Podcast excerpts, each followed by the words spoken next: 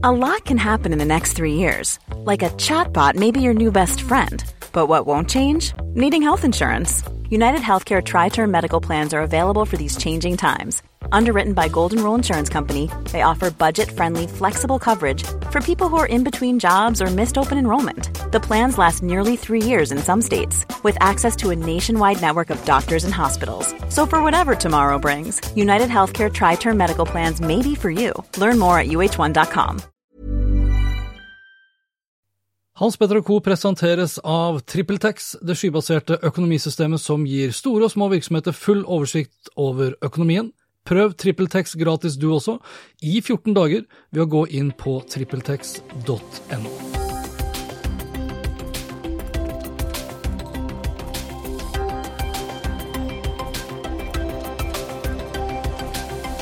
Fersk undersøkelse avslører at nesten ingen voksne vet hva e-sport er. Facebook kopierer Snapchat igjen.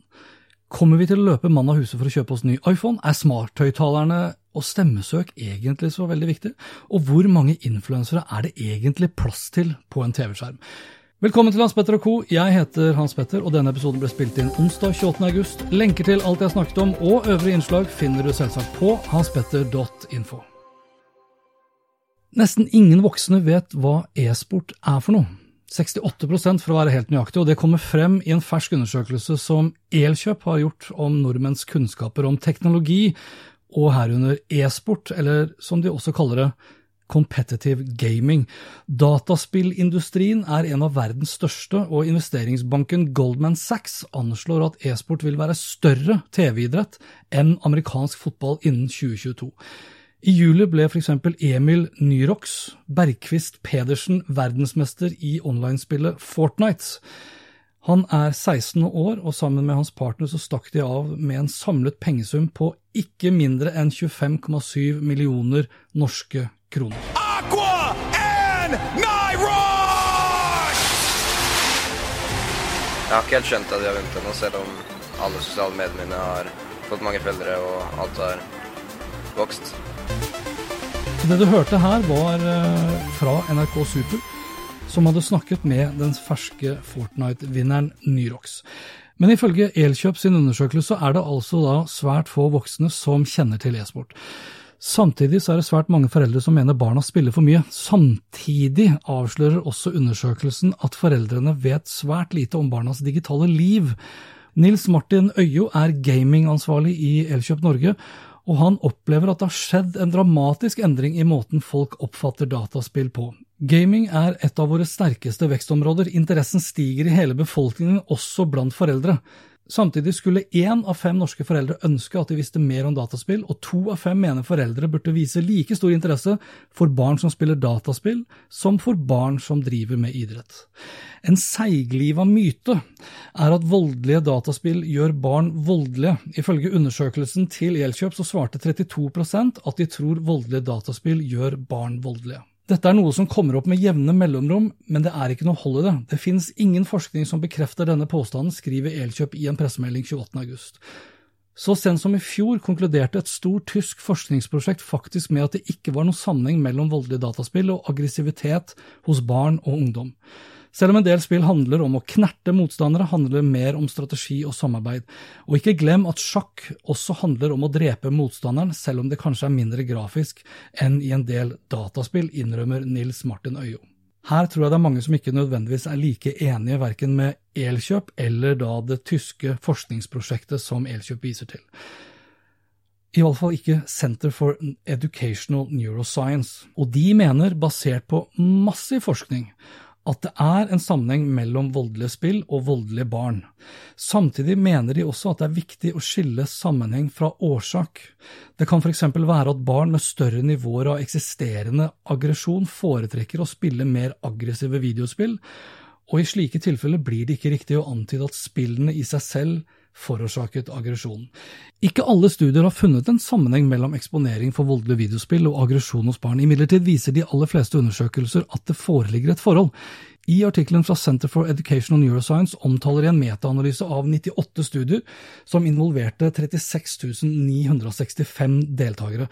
Og her kom det tydelig frem at voldelige videospill klart og tydelig har en påvirkende effekt på sosial atferd. Effekten av voldelige spill ser imidlertid ikke ut til å være like for alle. Yngre barn er mer sannsynlig til å bli påvirket av voldelige spill hvis de f.eks. har en høy score på personlighetstrekk som nevrotisisme, og lav score på personlighetstrekk som behagelighet og samvittighetsfullhet. Nevrotisisme er personlighetstrekk kjennetegnet ved tendens til å bli lettere bekymra, til å gruble, til å bli sårbar overfor kritikk fra andre og generell usikkerhet på seg selv, skriver Storum medisinske leksikon. Og Når det kommer til selve spillet, så har det også vist seg at det å spille med en personlig avatar fører til mer aggressiv oppførsel enn når barna spiller med en generisk karakter.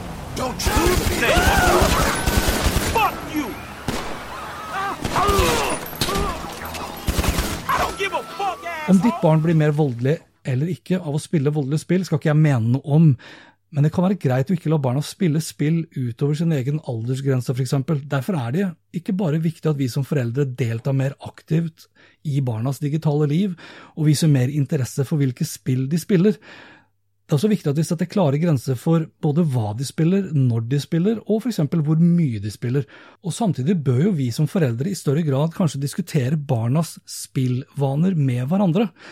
Er det flere i klassen til barnet ditt som f.eks. spiller Grand Theft Auto, mens ditt barn ikke får lov, så kan jo det oppleves urettferdig, og da snakker man kanskje mye mindre grad også om de spillene man spiller. Blir foreldre enige seg imellom på hva som er greit og ikke, så blir det mye enklere å forholde seg til for barna.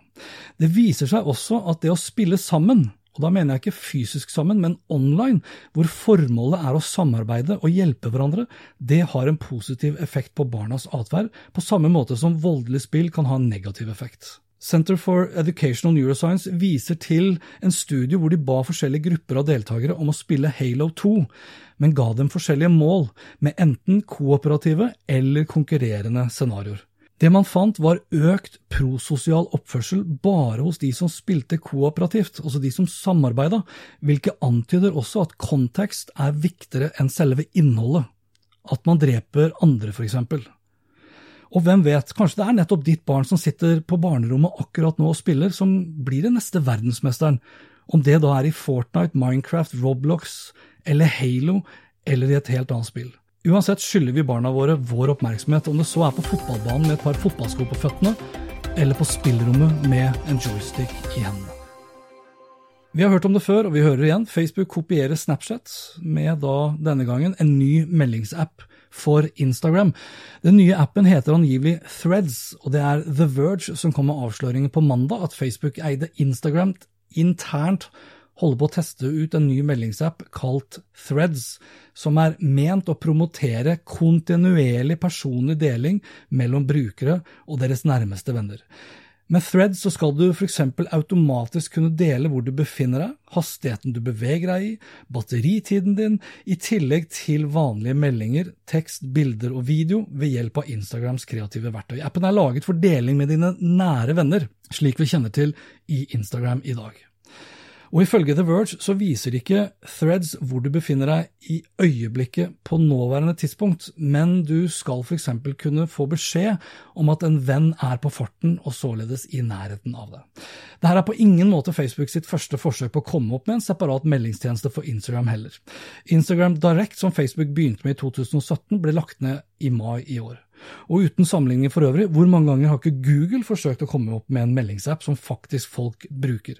En gadget skriver at Threads ser ut til å satse på å ta det beste fra Instagram og Snapchat, og når og hvis Threads blir en realitet, vel, det er det ingen som vet. I artikkelen til Din Side, som nettopp handler om Instagram Threads, så spør de leserne om de synes det høres ut som en god idé, og her svarer, ikke overraskende, 80% nei. For det vi vet, er jo at hva publikum vil ha, nødvendigvis ikke betyr det samme som om det blir en suksess eller ikke. 10. eller 11. september så er det duket for nye telefoner og nettbrett igjen fra Apple, og muligens et par nye datamaskiner, og helt sikkert også en ny versjon av deres Watch. Ryktene er mange, slik det alltid har vært før når det kommer til disse lanseringseventene til Apple, men mediene er ikke like mye på som tidligere. Og det har kanskje sin naturlige forklaring. Magien er ikke i like stor grad til stede. Nyhetene er ikke like store lenger, slik vi var vant med og kjent med fra gamle dager. Men samtidig så øker presset på at Apple skal snu den negative trenden for flaggskipproduktet sitt. iPhone, altså, som på sitt meste sto for nesten 80% av selskapets omsetning. Men hva er det vi egentlig kan forvente oss? Telefoner som er raskere enn den forrige modellen? Det skulle bare mangle. Telefoner som har bedre batterikapasitet og litt bedre kameraer. Igjen, det er ikke noe å løpe butikken for. Hvis det er én ting som har blitt stadig viktigere når det kommer til smarttelefoner, så er det jo, som jeg nevner, kameraer. Men da snakker jeg skikkelig gode kameraer. Gode kameraer som tar i bruk kunstig intelligens for å gjøre oss til bedre fotografer og filmskapere. Og her ligger nok også den største nyheten jeg tror vi kan forvente oss. En iPhone Pro går det rykter om, som vil ha et helt nytt kamerasystem med en tredje kamer kameralinse. Hvilket vil gjøre det da mulig å zoome ut og ta vidvinkelbilder. Men det er ikke noe nytt, det heller. Ifølge kilder hos Apple og de er jo gode på å late som det forekommer lekkasjer, så vil kamerasensorene ta i bruk alle tre linsene samtidig og bruke kunstig intelligens for å kombinere det til ett skikkelig bra bilde. Men det her har både Samsung og Huawei gjort nå i flere år allerede. En annen funksjon som løftes frem, er muligheten til å kunne lade de nye AirPodsene direkte på telefonens bakside. Igjen en funksjon som har eksistert blant andres toppmodeller i flere år allerede. Én ting som ikke vil endre seg, i alle fall med stor sannsynlighet, det er selve designet, og det er kanskje en stor skuffelse, det også. Samme design og samme størrelse, bare litt bedre skjerm, litt bedre kamera, litt bedre kapasitet, litt mer her og der. Så spørs det da om responsen blir den samme som sist, et nja, og ikke et rush til butikkene for å være førstemann ut med det, den nye telefonen, den siste versjonen. Nettavisen har spurt sine lesere i en artikkel om da de nye produktene som angivelig skal komme, om de er villige til å betale ekstra for f.eks. iPhone Pro-modellene. Og Her svarer hele ni av ti at de tror det blir altfor dyrt. Personlig så sitter jeg fortsatt med min iPhone X eller iPhone 10, som jeg overhodet ikke er fornøyd med. I tillegg så har jeg en Huawei P30 Pro som tar helt fantastiske bilder, fantastisk video, er helt rå hva gjelder ytelse, har sinnssyk batterikapasitet, kan lade trådløst og lade andre produkter trådløst, og som koster 50% mindre enn iPhone XX Max, som er den mest sammenlignbare i denne sammenheng. Eller kanskje bare halvparten av hva en tilsvarende iPhone Pro kommer til å koste. Hans Petter og Co. kommer tilbake med en full gjennomgang av de nye Why don't more infant formula companies use organic, grass-fed whole milk instead of skim? Why don't more infant formula companies use the latest breast milk science? Why don't more infant formula companies run their own clinical trials? Why don't more infant formula companies use more of the proteins found in breast milk? Why don't more infant formula companies have their own factories instead of outsourcing their manufacturing? We wondered the same thing. So we made ByHeart, a better formula for formula. Learn more at byheart.com. My business used to be weighed down by the complexities of in person payments. Then, Tap to Pay on iPhone and Stripe came along and changed everything. With Tap to Pay on iPhone and Stripe, I streamline my payment process effortlessly. Now I can accept in person, contactless payments right from my iPhone. No extra hardware required. What's truly remarkable is how I can cater to all of my customers' payment preferences. Whether they're using cards, Apple Pay, or other digital wallets, Tap to Pay on iPhone and Stripe ensure a smooth checkout experience every time. And it's not just me. Stripe helps businesses of all sizes, from local markets to global retailers, scale quickly and stay agile. To learn how Tap to Pay on iPhone and Stripe can help grow your revenue and reach, visit stripe.com/tapiphone. produktene kort tid Apple-eventet. Er Hei Google. Hvor stort er det norske markedet for smarthøyttalere? Jeg beklager, jeg skjønner ikke hva du mener. Hvor mange av dere som hører på den podkasten her, har en smarthøyttaler nå i dag? Jeg tipper det er mange, men jeg er usikker på hvor mange egentlig. Altså Har vi kommet over eller under halvparten? I fjor så skulle jo Google Home bli årets julegave.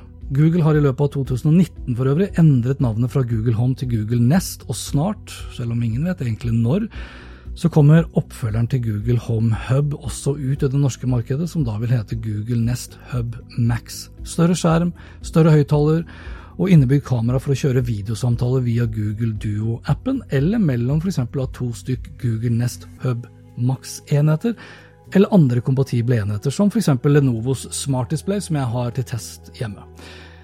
En av konsekvensene av smarthøyttalerne ville bli at vi i økende grad ville bruke stemmen vår til å søke, ikke bare til å sette på pizzaalarmen, spørre om været, spille litt musikk eller forsøke å kjøpe brød fra morgenlevering.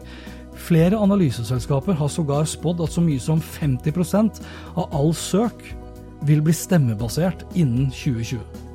Det er mulig at det kan bli tilfellet i USA, men her til lands tror jeg det er ekstremt usannsynlig. Det er utvilsomt et marked i sterk vekst. Altså Markedet antas å være verdt så mye som nesten 400 milliarder kroner innen 2022.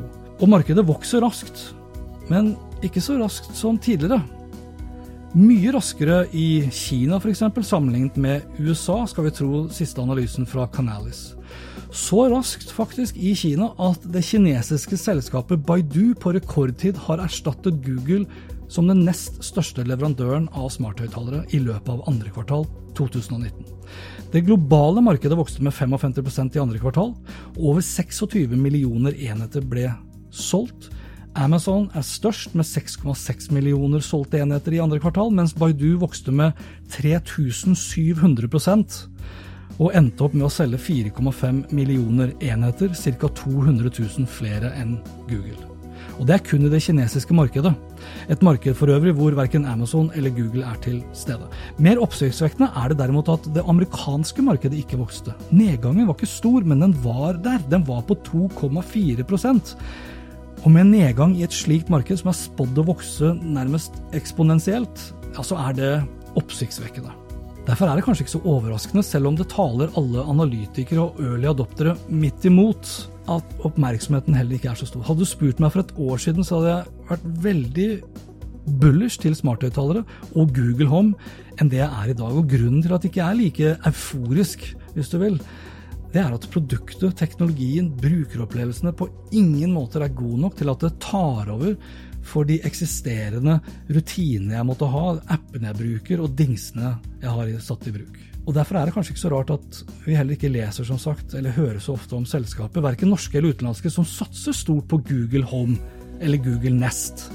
Search Insider skriver i august i år om en undersøkelse utført mot amerikanske ledere for markedsføring.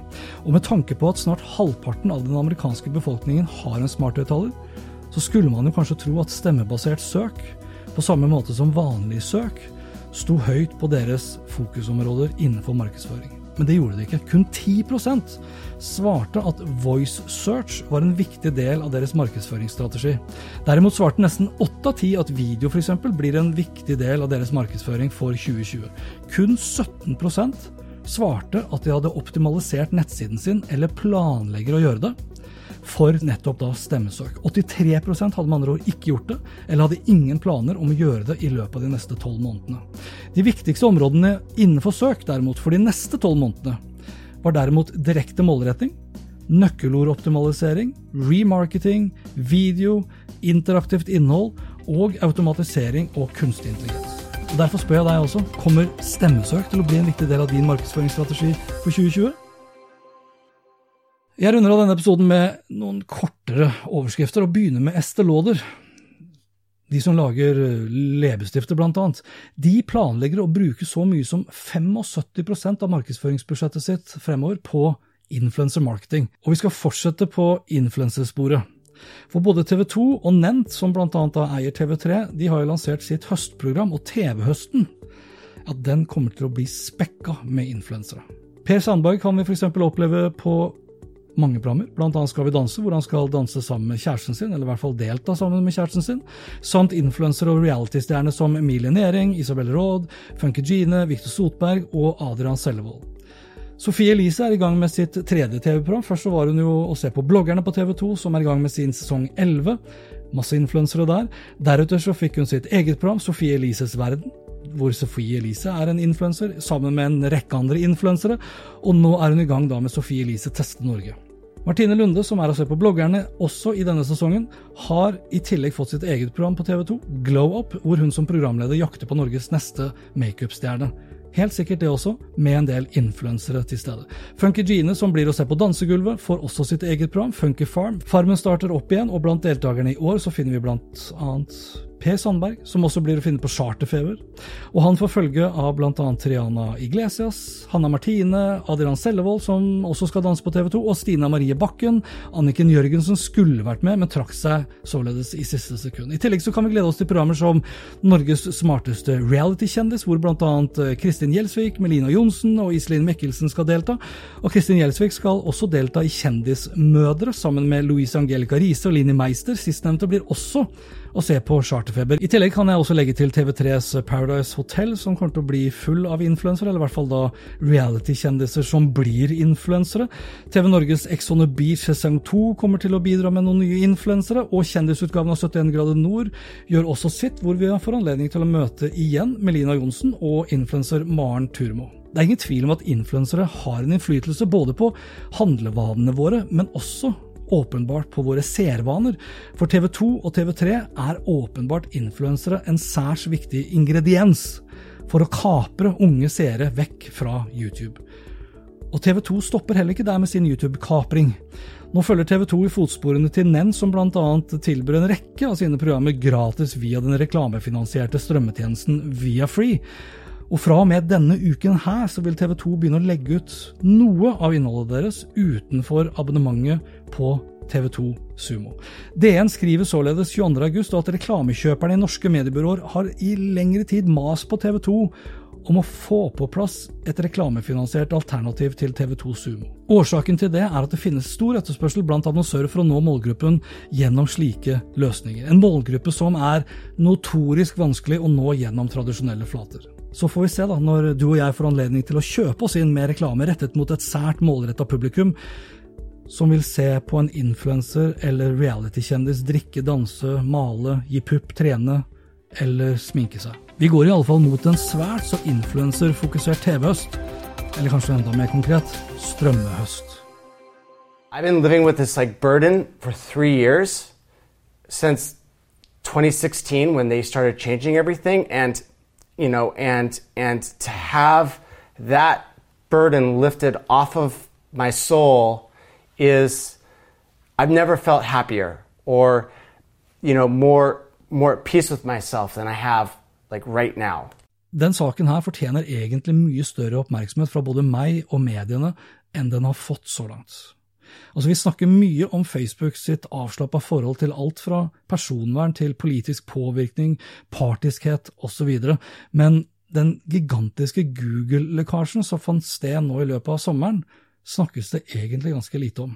Over 950 interne Google-dokumenter ble lekka til Project Veritas, og det av den tidligere Google-ansatte Zack Warriors.